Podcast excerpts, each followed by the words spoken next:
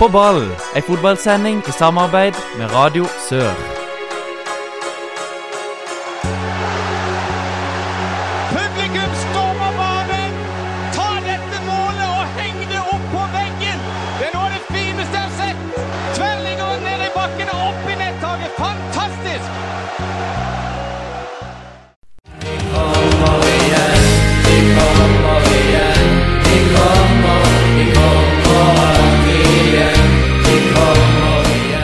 Hjertelig velkommen til en ny sending med På ball. Mitt navn er Håkon Kile, og den neste timen da blir det Obos-oppsummering her i studio. Anders, du er som vanlig.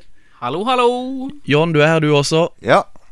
Uh, ukas gjest han starta sin kommentatorkarriere med å kommentere Moss FK sine hjemmekamper for Radio Moss. Videre gikk turen til Energy Kristiansand, hvor Start sine hjemme- og bortekamper ble kommentert. I 2012 var det en tur innom Radio Sør ettersom at de sikra seg rettighetene på IK Start.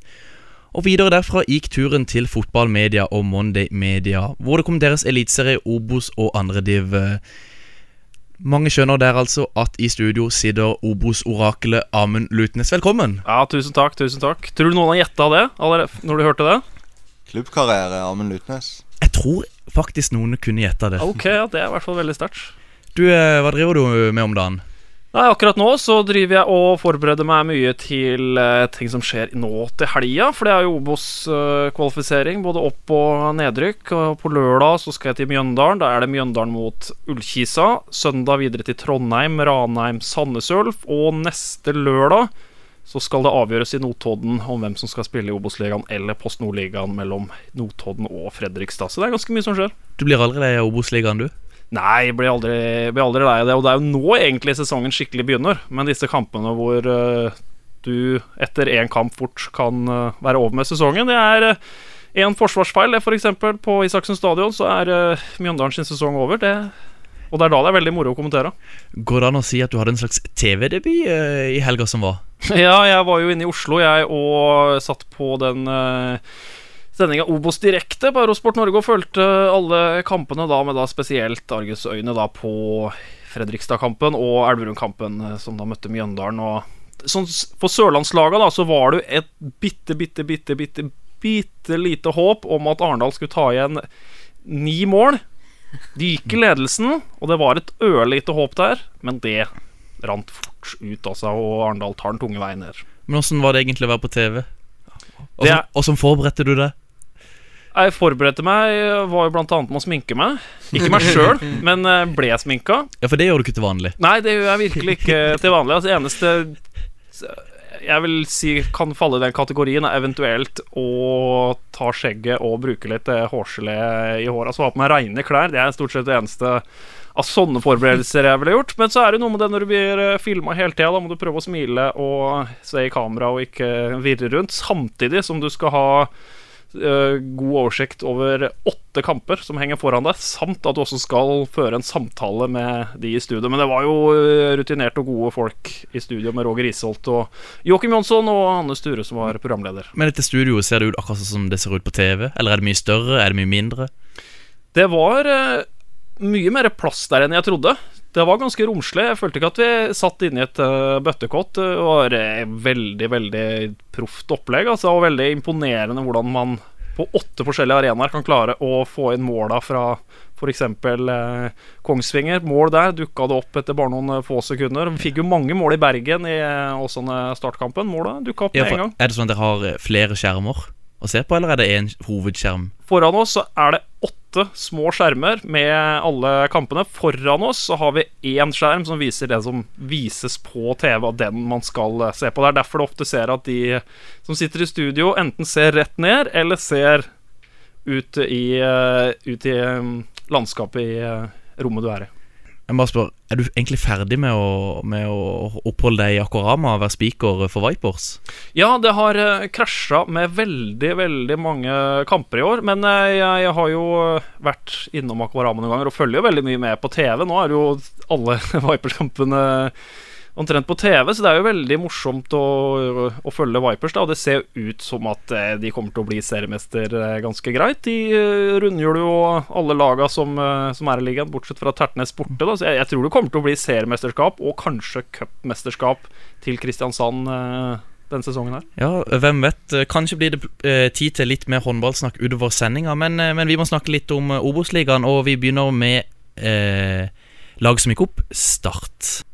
Skal flå de ut på matta. Vi skal feire hele natta. Vi er gule, vi er svarte. Start eh, de når altså målet om opprykk. eh, Vel blåst, eh, må vi vel kunne si, Amund. Ja, jeg syns uh, absolutt det. De gikk jo ut før sesongen og sa at uh, opprykk er målet, og det blei jo da veldig forsterka med de nye lederne som kom inn uh, i midten av sesongen. Det har jo vært en ganske innholdsrik sesong for Start på utafor banen. Det var, har jo vært flere ganger i år hvor jeg rett og slett har syntes Start har vært ganske svake i enkelte kamper, men så er det noe med det der å dra med seg de tre poengene, eller kanskje på bortebane dra med seg den ene uavgjorten istedenfor å tape. Og Start har jo vært i toppen hele tida. Bodø-Glimt dro egentlig ganske tidlig ifra, så vel fortjent opprykk til Start, selv om det var en dårlig avslutning. Det har jo skjedd så utrolig mye som Amund sier hele sesongen. Og så har det vært sånn litt opp og ned, men de har vært i toppen hele veien. Og så har vi sittet og sagt at de ikke har vært så gode. Og så kommer jo den endringen uansett. Og så med at eh, Steinar blir sparka. Og så reagerer folk på det, men spillemessig så hadde det jo ikke vært så bra. Ja, men allerede før sesongen, Anders, er det offensivt å starte å si, å si at uh, opprykk er målet. Nei, det vil jeg ikke si. Selv med den troppen som de rykka ned med fra Du kan si at uh, den troppen som de hadde i Eliteserien i 2016, var svak. uh, men selvfølgelig bare det preg av at uh, det var mye tap, og de fikk liksom ikke den oppturen før helt i slutten av den sesongen, når de vant mot Haugesund.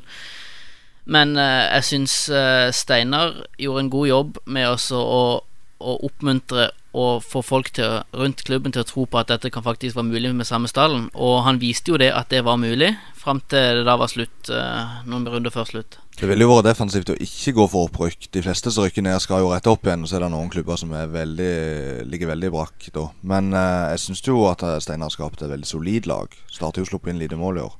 Og imponerende at de klarte å snu det med en gang de rykte ned og sesongen starta. Og hvis man også ser på det Jeg syns det alltid er så klønete uttalelse når man sier at man skal, drev, at man skal ned Obos-ligaen for å bygge klubb. Og da tenker jeg, hvor mye klubb har Start bygget i 2017?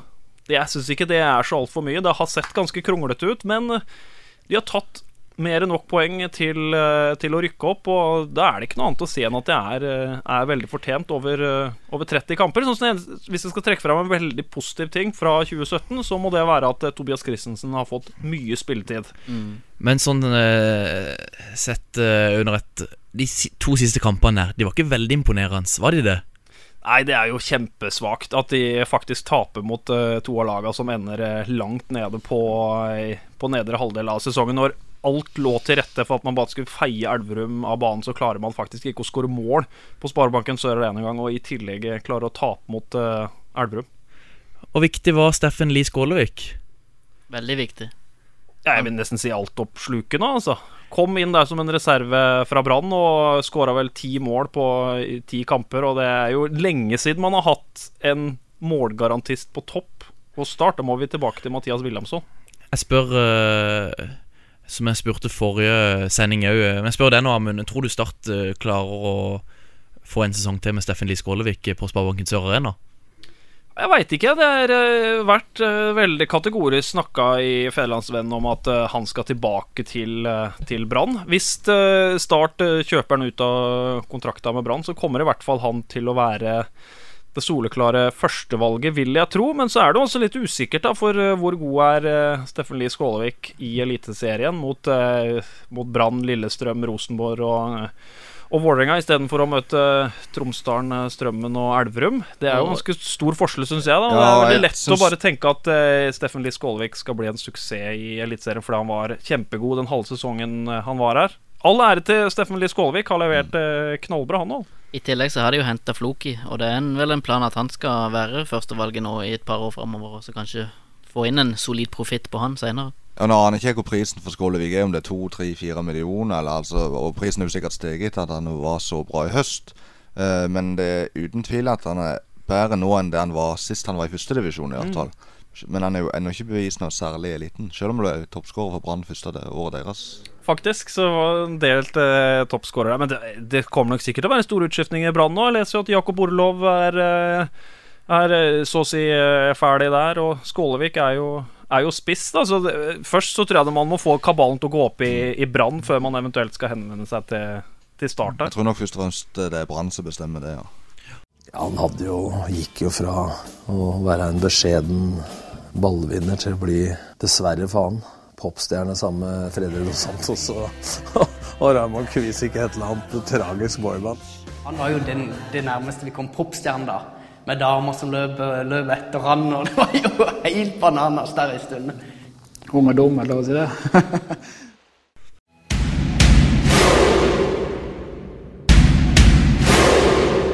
It's the Iceland call.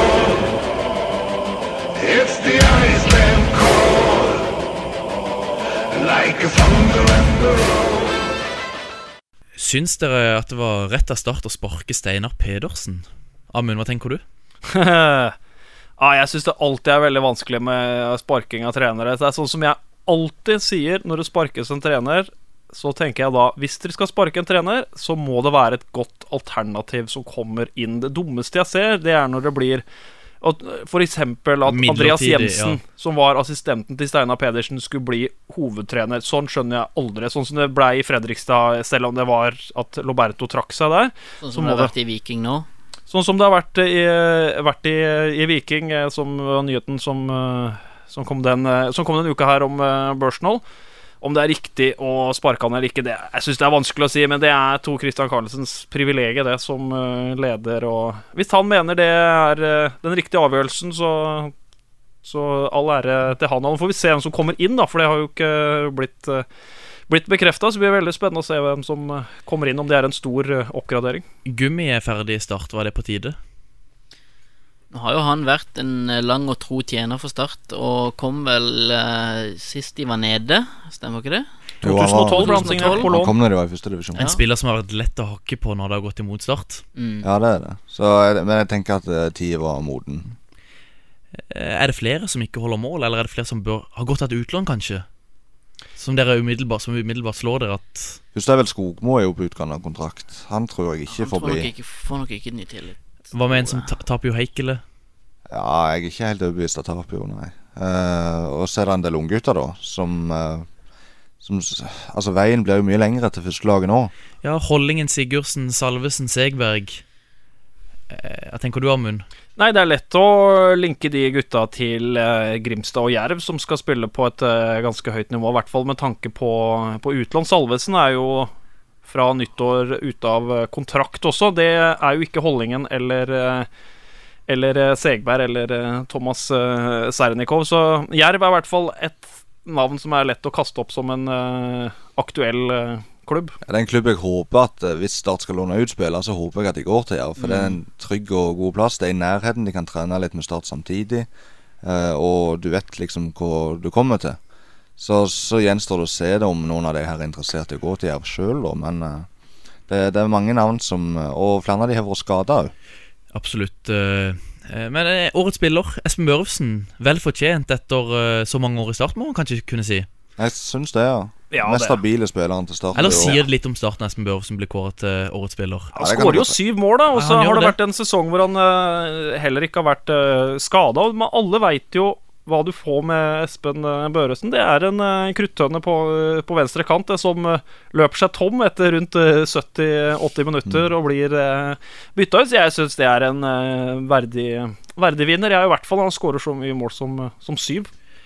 Hva med Hvem skal vi si kan være kanskje årets positive overraskelse i Start? Jeg var jo inne på Tobias Christensen i stad. Det er jo den åpenbare, tenker jeg. Så syns jeg jo Daniel Aase hadde en veldig god vår og sommer, og så har han fått mindre sjanser utover høsten. Men han er jo helt klart vist seg fra sin beste side til nå i start denne sesongen. Helt enig, men hva med årets eh, skuffelse? Årets skuffelse, ja. Nei, det syns jeg ganske åpenbart eh, er Abibakar Abubakar Ibrahim, som blei henta. Det blei snakka i eh, Det ble snakka veldig godt om han, og var det så glad, fikk han en veldig klønete inngang på sesongen òg. At det var noe papirtull, at han ikke klarte å spille seg inn på laget. Og da spilte Daniel Aase seg inn på laget, og sånn er jo dynamikken i, i fotballen. Og Ibrahim har blitt kasta litt rundt i forskjellige posisjoner, men en spiller de signerte på en ganske lang kontrakt, som vi nesten ikke har eh, sett noe ordentlig til i det hele tatt. En annen skuffelse er jo selvfølgelig Dennis Antvi. Som Ja, kom, kom fra Jerv og skulle skåre mål, og nå siden i sommer har han ikke vel vært, knapt vært i troppen, så Nei, nå, er det, nå har det skjedd så mye denne sesongen at jeg husker nesten ikke hvor status var for Antvi før sesongen. Men det var jo liksom han og Salvesen som var spissalternativene før sesongen. Og Salvesen ble skada, og så starta det jo med Antvi. Men sakte, men sikkert. Ja, eh, han er jo bare forsvunnet. henta inn en Gusan og Mm. Rio Coco. Må ikke glemme han heller. Nei. Gusan har også bidratt til at Start eh, faktisk har rykka opp. Han, eh, Viktig han, mål. Han skåra noen viktige mål her i de få minuttene han fikk som, som startspiller. Er det Mark Dempsey som blir Starts nye trener?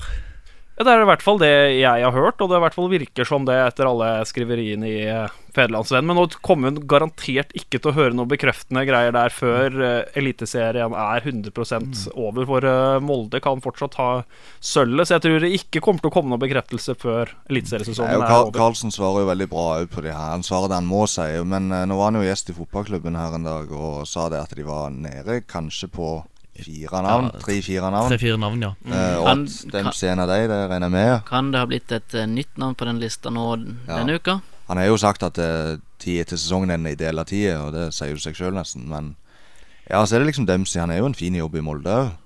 Han Ja. vender jo alltid tilbake til Molde. Ja, han uh, sitter godt i Molde. Han og er jo, har jo veldig tett bånd til, uh, til Storsjø. Men jeg tror som veldig mange, eh, veldig mange trenere, så eh, har de lyst til å bli hovedtrenere. Og jeg ser på startjobben som en veldig, veldig spennende jobb. Jeg. Det er penger i klubben, de er eh, oppe i Eliteserien. Det er eh, det er positiv giv i eh, start, så jeg syns det er en ganske spennende trener, trenerjobb. Absolutt. Eh, Vi må litt videre. Vi skal til Grimstad. Heng med.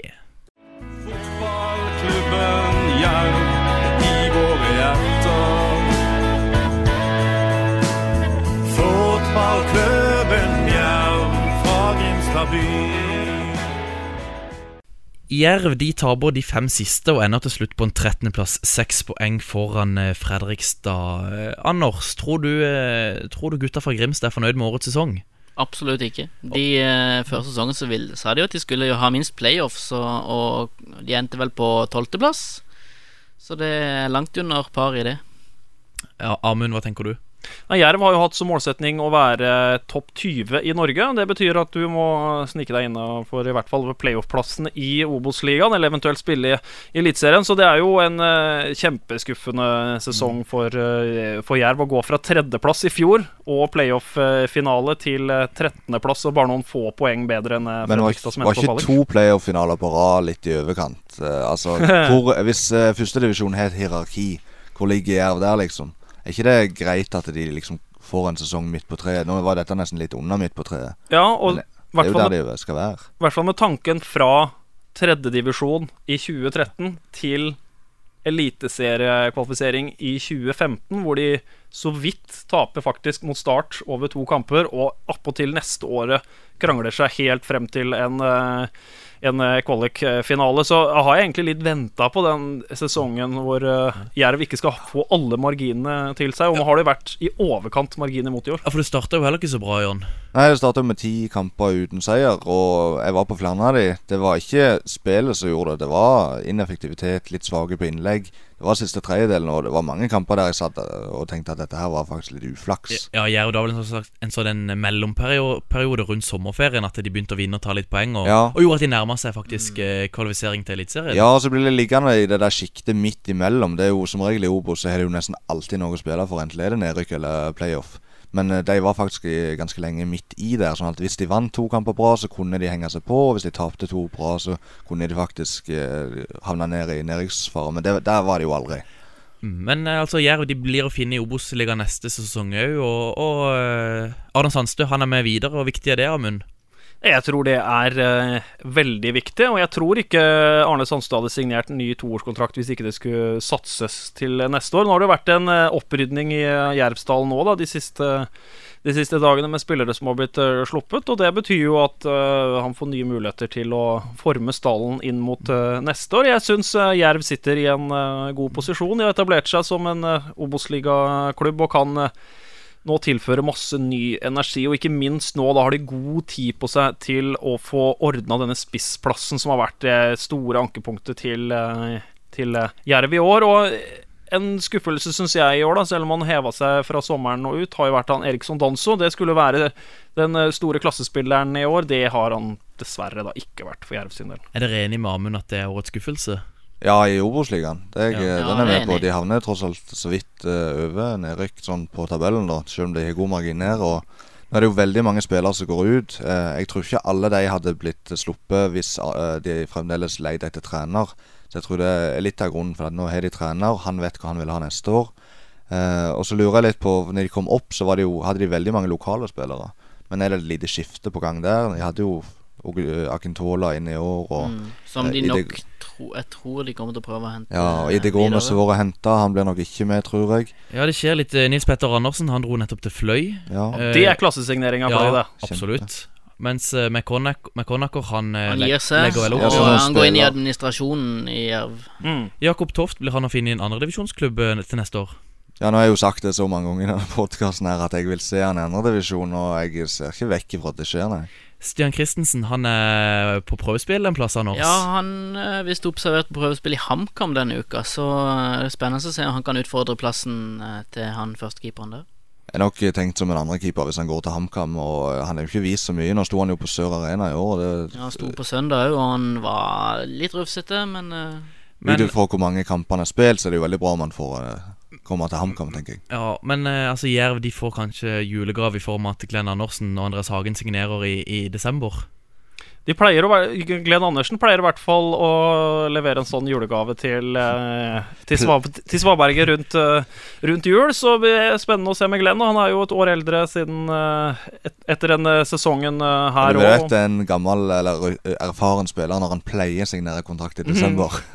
Anders, Men uh, Hagen ja. blir nok han. ja, jeg tenker nok han fortsetter, for når han gir vekk kapteinspinnet til McConnacher i siste kampen for sesongen, så uh, kan vel tolke det iallfall litt som han har lyst til å fortsette et år til. Uh, har dere en, en, en spiller som har levert bra for Jerv denne sesongen her, som dere vil trekke fram? Syns det har vært veldig ustabilt. eh, Men de kampene jeg har sett så Jeg sa jo at innleggskvaliteten hadde vært dårlig, men Bergland er god hver kamp. Han skaper alltid Spilt et eller annet. kamper òg. Ja. Og det samme syns jeg med Kristoffer Tønnesen. Den venstresida de er det bedre, av det bedre de har. Ja, Den men er- samtidig skuffende at de liksom ikke klarer å skape mer på den Ja. venstre sida, og litt Ja. oftere. Men eh, Og jeg syns Tønnesen har hatt noen kamper i år som ikke har vært helt bra, men han er samtidig en veldig bra spiller. Dere alle tre har vært på flere turer til Levermyr denne sesongen. Er det, Sitter dere igjen med noen positive opplevelser? Noen kamper som har vært gøye? Jeg, hadde jo, jeg kommenterte jo eh, Jerv mot Ullensaker-Kisa. Da var det jo nesten ikke noe vits å notere målsjanse, for da ble jo alle skudda gikk jo i mål. Det var vel 6-2 det endte der, men den kampen som jeg syns har vært den aller kuleste på eh, på Levermyr i år, er jo soleklart fjerde rundekampen mot Rosenborg, hvor eh, jeg snakka med noen i Jerv etter kampen som faktisk var ekstremt skuffa, for dette her var virkelig en kamp hvor Jerv eh, faktisk kunne eh, slå, slå Rosenborg. Og det var jo så klart Mathias Williamson som skulle senke Jerv med sine to mål. Med 2-1 til Rosenborg. 2-1 til Rosenborg etter at Eirik Haugstad ga faktisk Jerv ledelsen i den kampen. Og da var det veldig moro å være på, på Levermyr, og det er det jo. Uansett, alltid, alltid hyggelig å komme til, til Grimstad. Jon? Ja, mitt beste jervminne er ikke fra Levermyr, det er faktisk fra Sandnes. Når de valsa over Sandnes Ulf og vant 3-0 der. Da klaffa plutselig alt, og de viste hvor gode de kan være. Det var utrolig imponerende, og da var Sandnes Ulf gode, ikke sånn som de har vært nå i slutten. Anders? Nei, jeg får si uh, opplevelsen jeg hadde på søndag, da, men det er jo feil, feil hjerte som snakker. Da, de, da Florø vant for Florø vant 2-0. Det får bli siste ord om uh, Jerv. Vi er straks tilbake.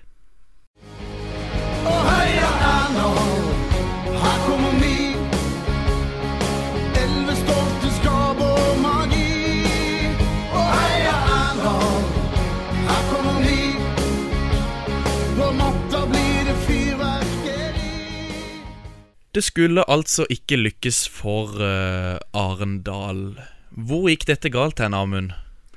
Jeg syns det var litt naiv inngang til Obos-ligaen. Og det som skulle være spydspissen, eh, trodde veldig mange før sesongen, eh, William Pepa, ble plutselig vraka for Obos-ligaens daværende eldste spiller Peter Runkovic. Og så var det veldig mye fram og tilbake der, og kom aldri inn i noe flyt i det hele tatt i starten av sesongen. Helt grusom hjemmestatistikk da på midlertidig arenaen eh, på Myra, og klarte ikke å helt videreføre det til eh, nye Norak eh, heller, og det er terningkast én på sesongen til Arendal. Ender helt sist i Obos-ligaen etter å ha tapt veldig mange kamper også på slutten av sesongen. Det var vel 13 poeng til slutt. Man eh, telte opp at eh, Arendal mista de siste ti minuttene av kampen. Og- Det er kanskje der det gikk mest galt, er overtid, faktisk. Men jeg, jeg har jo snakka med en del av de som jobber i Agderposten i løpet av sesongen nå, og de har jo ment på at eh, Arendal så veldig annerledes ut i vinter, men med en gang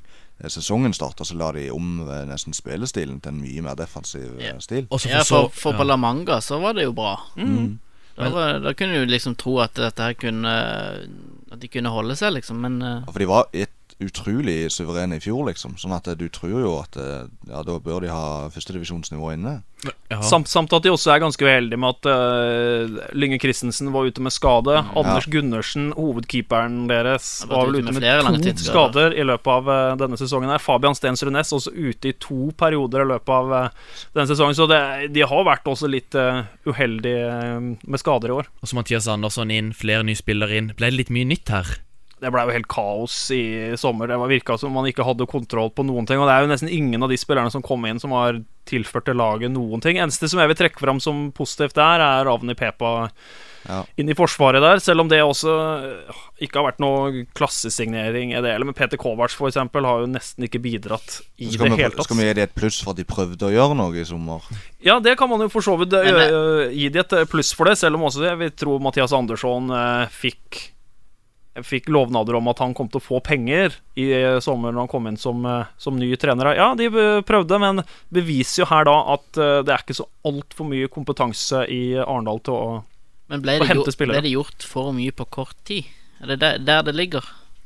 Ja, det, er jo, det ligger jo mye i det der at plutselig så er det fire-fem nye spillere som skal inn i startelveren.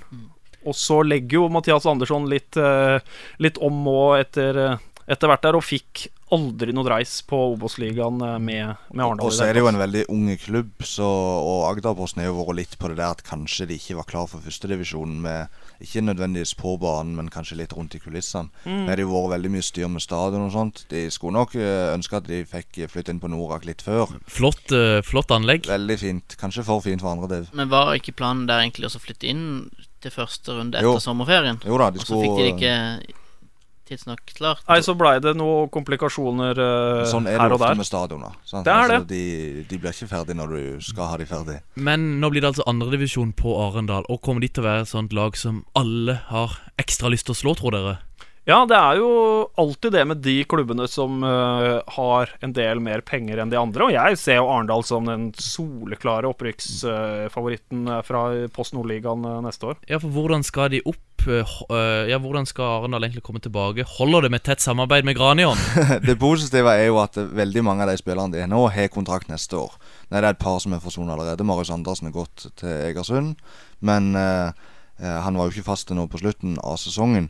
Eh, og så er det, kan du si, Hvis det er vanskelig å rykke ned fra eliten til Obos, så er det enda vanskeligere, synes jeg, tror jeg, å rykke ned fra første til andre. For det er masse gode klubber der nede. Bryne i år hadde et budsjett på 28 millioner. Arendal hadde 14. Eh, så det er- er penger og ressurser og mange gode fotballspillere i andre divisjon òg.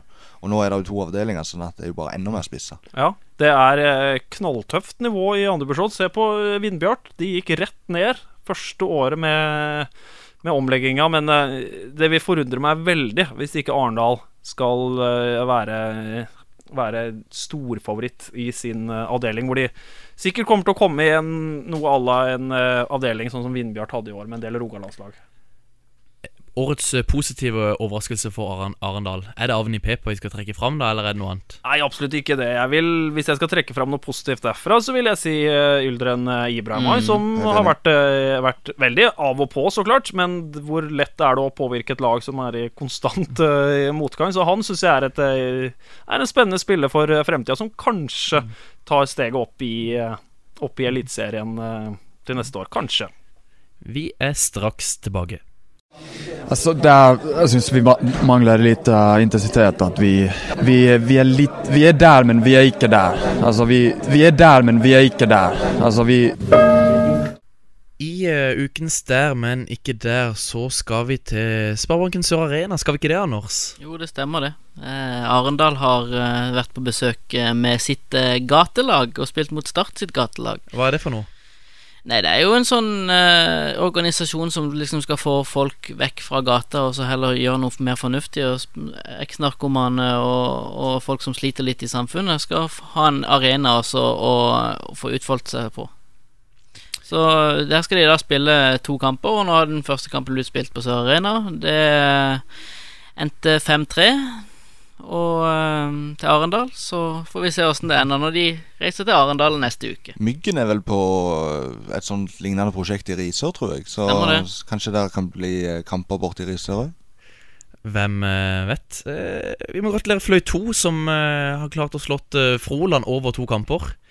Froland som nå sist kommer rett fra eh, Aalborg-tur, og rett eh, fra Color Line-terminalen til Flekkerøya omtrent. Er De, litt, de tok rett og slett boturen før siste seriekamp. ja, det er jo litt synd på. Froland, som har hatt en veldig god sesong i femtedivisjon, og så møter du et så sterkt Fløy 2, og, og det er avgjort etter første kampen, så jeg skjønner godt at de skulle en tur til Aalborg innimellom der. Men vi får fem andre lag i fjerdedivisjon her i Agder nå neste år. Hva tenker vi om det, Jon? Det er fem av tolv, det. Ja, Ja. Det, det er jo litt for mye.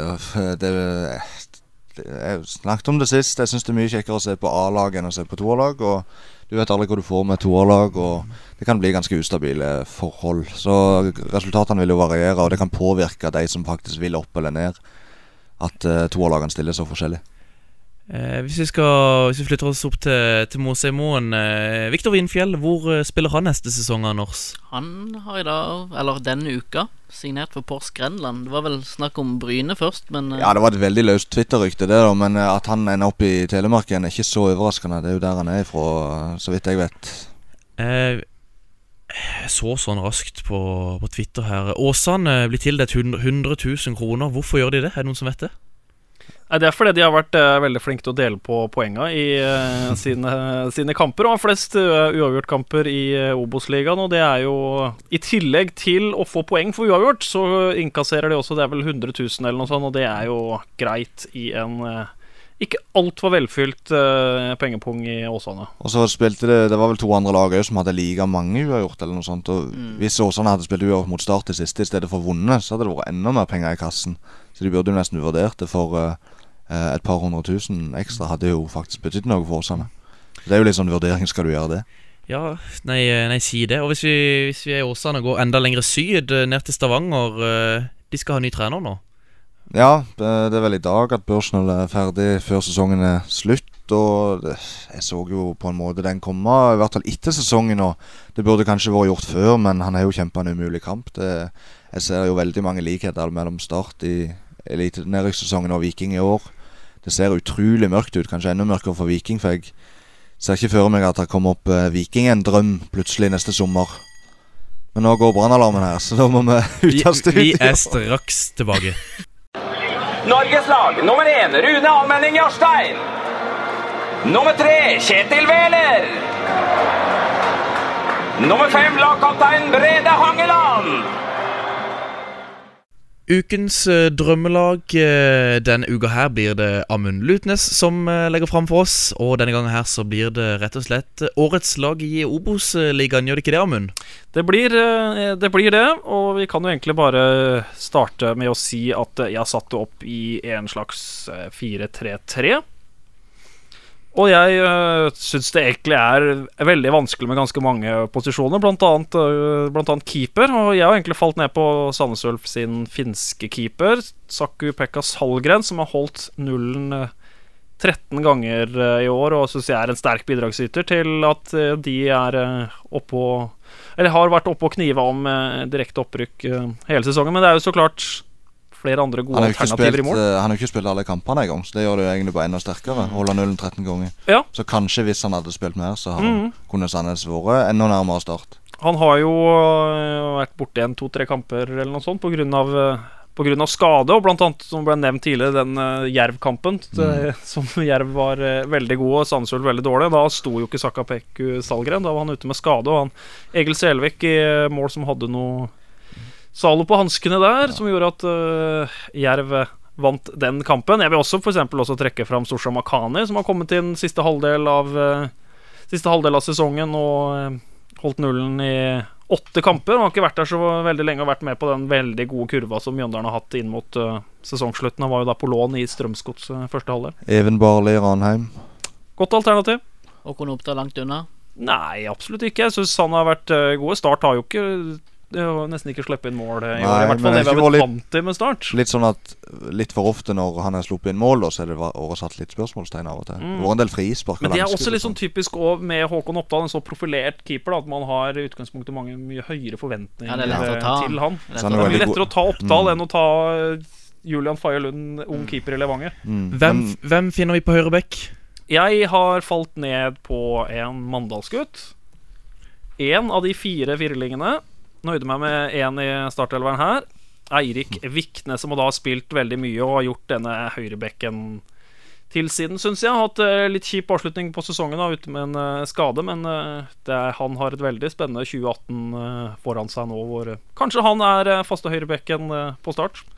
Ja, for det er, jo- det er ikke så mye alternativer. Nei, og det er jo ikke der Eller er på start, tenker du? Ja, Hvis Skogmo drar Ja, så må de sikkert kanskje hente inn en der, men jeg tror han bør jo absolutt være en av de som bør få sjansen neste år.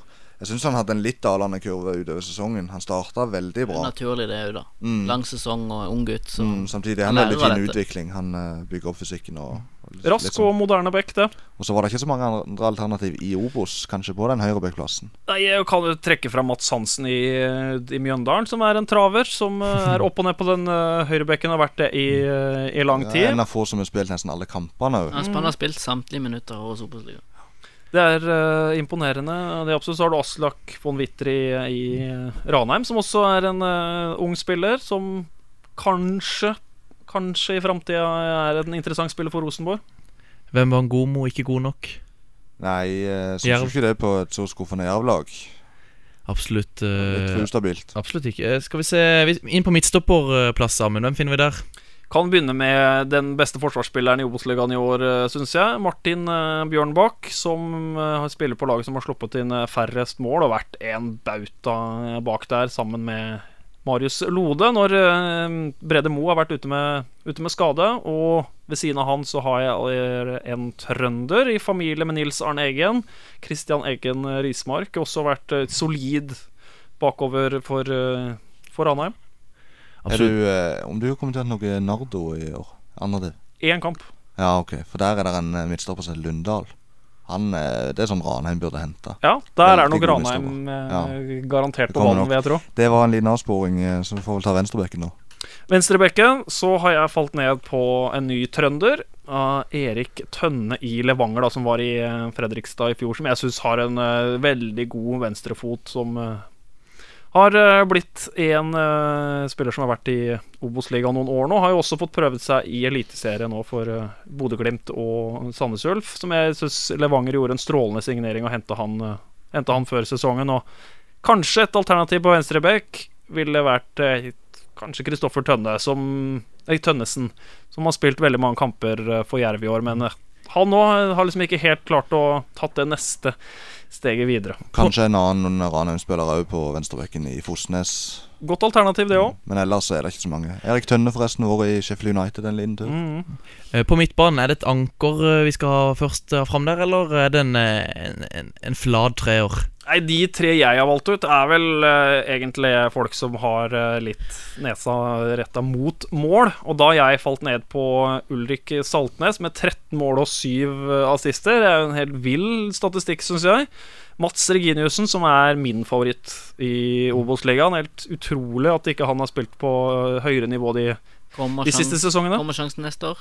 Nei, jeg Han ble jo ikke yngre. Jeg tror ikke det gjør det, altså. Det, da må det nok eh, bygges noe ordentlig opp der. Og han sammen med broren sin eh, utdanner jo seg begge til å bli fysioterapeuter og har jo, har jo planer der. Og Mats Reginiussen har vært mange år i Ranheim nå og trives i, trives i Trøndelag. Men absolutt en spiller som kunne gjort en god jobb for eh, en eliteserieklubb.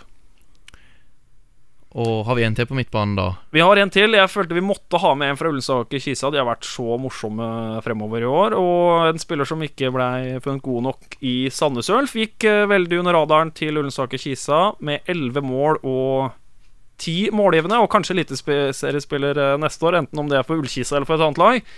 Niklas Sandberg. Var jo snakk om et bud i sommer fra Haugesund på rundt en ja, 500 000, var det det? Ja, det var det jeg også har hørt der, som jeg tror han spiller Eliteserien eh, til neste år. Han bør det. Er han fra, Rogaland? Han er fra Sandnes, tror jeg. Det er Eh, Sandnes i Gauk, som de Ja, utrolig at han ikke fikk sjansen der, når du ser på hvor god han er nå, da. Mm. Men uh, som en var spillestil. Ja, spillestil og sånt. Men uh, Ullskisa var god i år, og Ødemarksbakken er jo allerede klar Kjempegod. for uh, Lillestrøm Ja. for én million.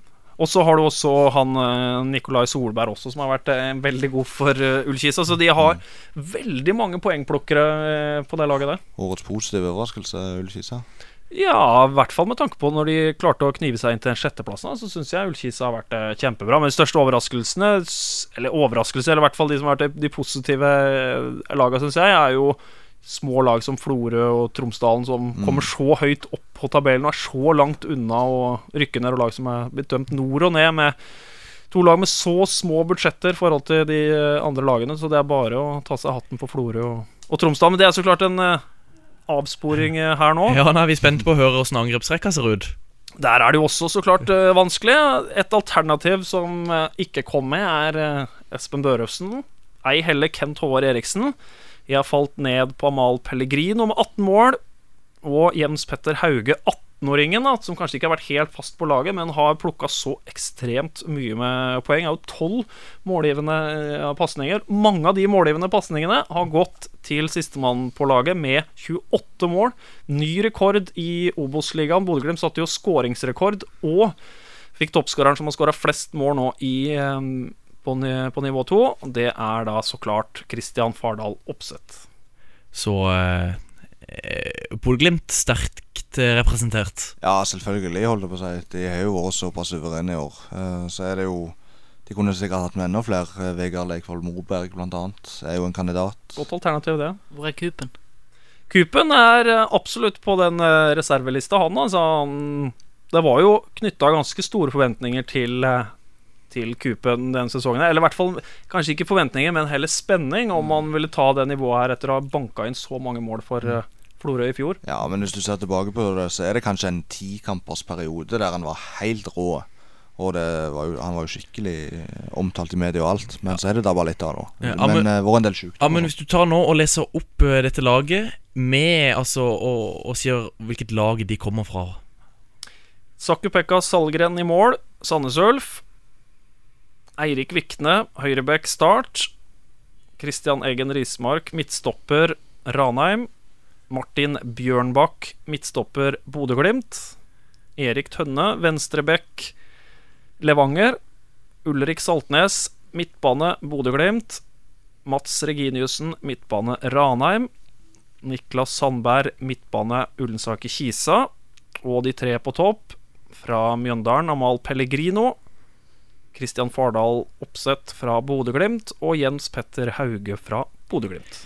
Du skal jo nå eh, kommentere noen av disse allerede i helga. Og hvem, hvem tror du til slutt ender opp med å møte eliteserielaget? Jeg tror det er Mjøndalen. Fordi jeg, ja, jeg har en følelse av at Mjøndalen kommer inn med en eh, veldig, god, veldig god steam og kan få to hjemmekamper i Obos-kvalifiseringa hvis de slår eh, Ullkisa nå på lørdag. ja, for, da, for Mjøndalen har vunnet, vunnet, vunnet. vunnet jeg har hatt veldig god avslutning eh, på denne sesongen her og tar med seg det inn. Og kommer da mest sannsynlig til å få to kunstgresskamper da hjemme på Isaksen, hvor de har vært ekstremt sterke. Så jeg har Mjøndalen som eh, min eh, favoritt til å nå kvalikfinalen. kvalikfina- Og da møter de Da møter de Ranheim, Ja, også, tror jeg. Og vinneren der møter Vinneren der blir eh, Mjøndalen, tror jeg. Og så kan jeg slenge ut Sogndal. Ja. Sogndal. Det kommer til å bli tight inn de siste rundene i Eliteserien, men jeg tror kanskje kvalifiseringsplassen blir Sogndal. Og da rykker Ålesund ned. Ja, jeg tror Ålesund og Viking eh, går ned. Det blir uansett ikke avgjort før siste spark på ballen. Eh, Fredrikstad-Notodden, bare for å ta den nå helt på tampen av spalta her. Jeg tror veldig mye blir avgjort nå på søndag i Fredrikstad. For eh, hvis Fredrikstad kanskje får en 2-0-ledelse der og kan ta med seg det til eh, Notodden, så tar Fredrik, eh, Fredrikstad det. Men hvis Notodden plutselig finner på å gå i ledelsen nå på lørdag, så kan det her gå virkelig ille for, for Fredrikstad. Altså, Fredrikstad har ikke vunnet borte siden sommeren i fjor. Det er over 500 dager siden. Har vært helt elendig på bortebane. Til og med tapt offisiell hjemmekamp i år mot, mot Kråkerøy i første, første runde av, runde av cupen. Så det er tynnslitte nerver i Fredrikstad. Tente et fint håp med en nydelig seier over uh, Sandnes Ulf på Fredrikstad stadion. De må vinne nå på søndag hjemme mot eh, Notodden. Det gjenstår å se. Vi er straks tilbake. Du er en stødig kar, så det blir oven. En evig hus. Folkens, det blir åpent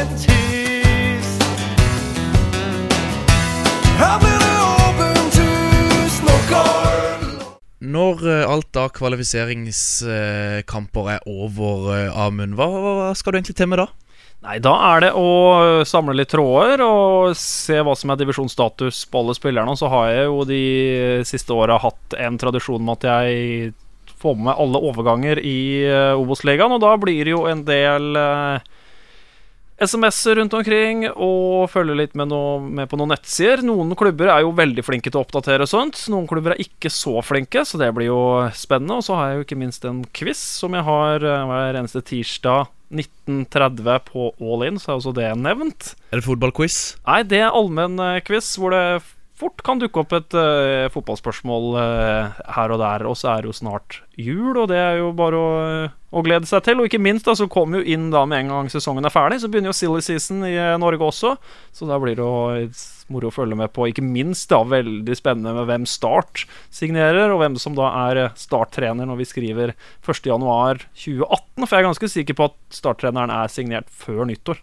Hva slags nettsted bruker du for å legge ut alt av overganger og sånn? Jeg bruker eh, min, eh, egen, eh, min egen blogg der til å oppdatere det. Så jeg har jo et dokument hele tida på telefonen hvor jeg, hvis jeg kommer over noe på Twitter, så er det bare å slenge det inn der, og så prøve å verifisere det da før jeg, før jeg legger det ut. Har du prøvd å bryne deg på, på fotballquizen som, eh, som gutta i studio her, John og Anders, er med på på Håndverkeren? Ja, jeg prøver å få med John hver eh, eneste gang, men eh, det, er, det er tydeligvis veldig vanskelige forhandlinger. Jeg får nei hver eneste gang, så det er veldig skuffende. Så laget mitt ligger og slurer nede sånn rundt topp ti. Og vi har alltid sagt det, klarer vi å rote oss inn i topp ti, så er vi fornøyde. Men det er jo bare å bøye seg i støvet for Jon Rippland og co. som er, eh, har hatt en veldig god kurve de siste quizene.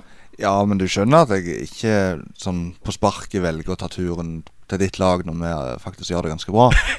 For all del. Jeg tenker jo at det kanskje er eh, Så er jeg, jeg er jo der, da. Ja da.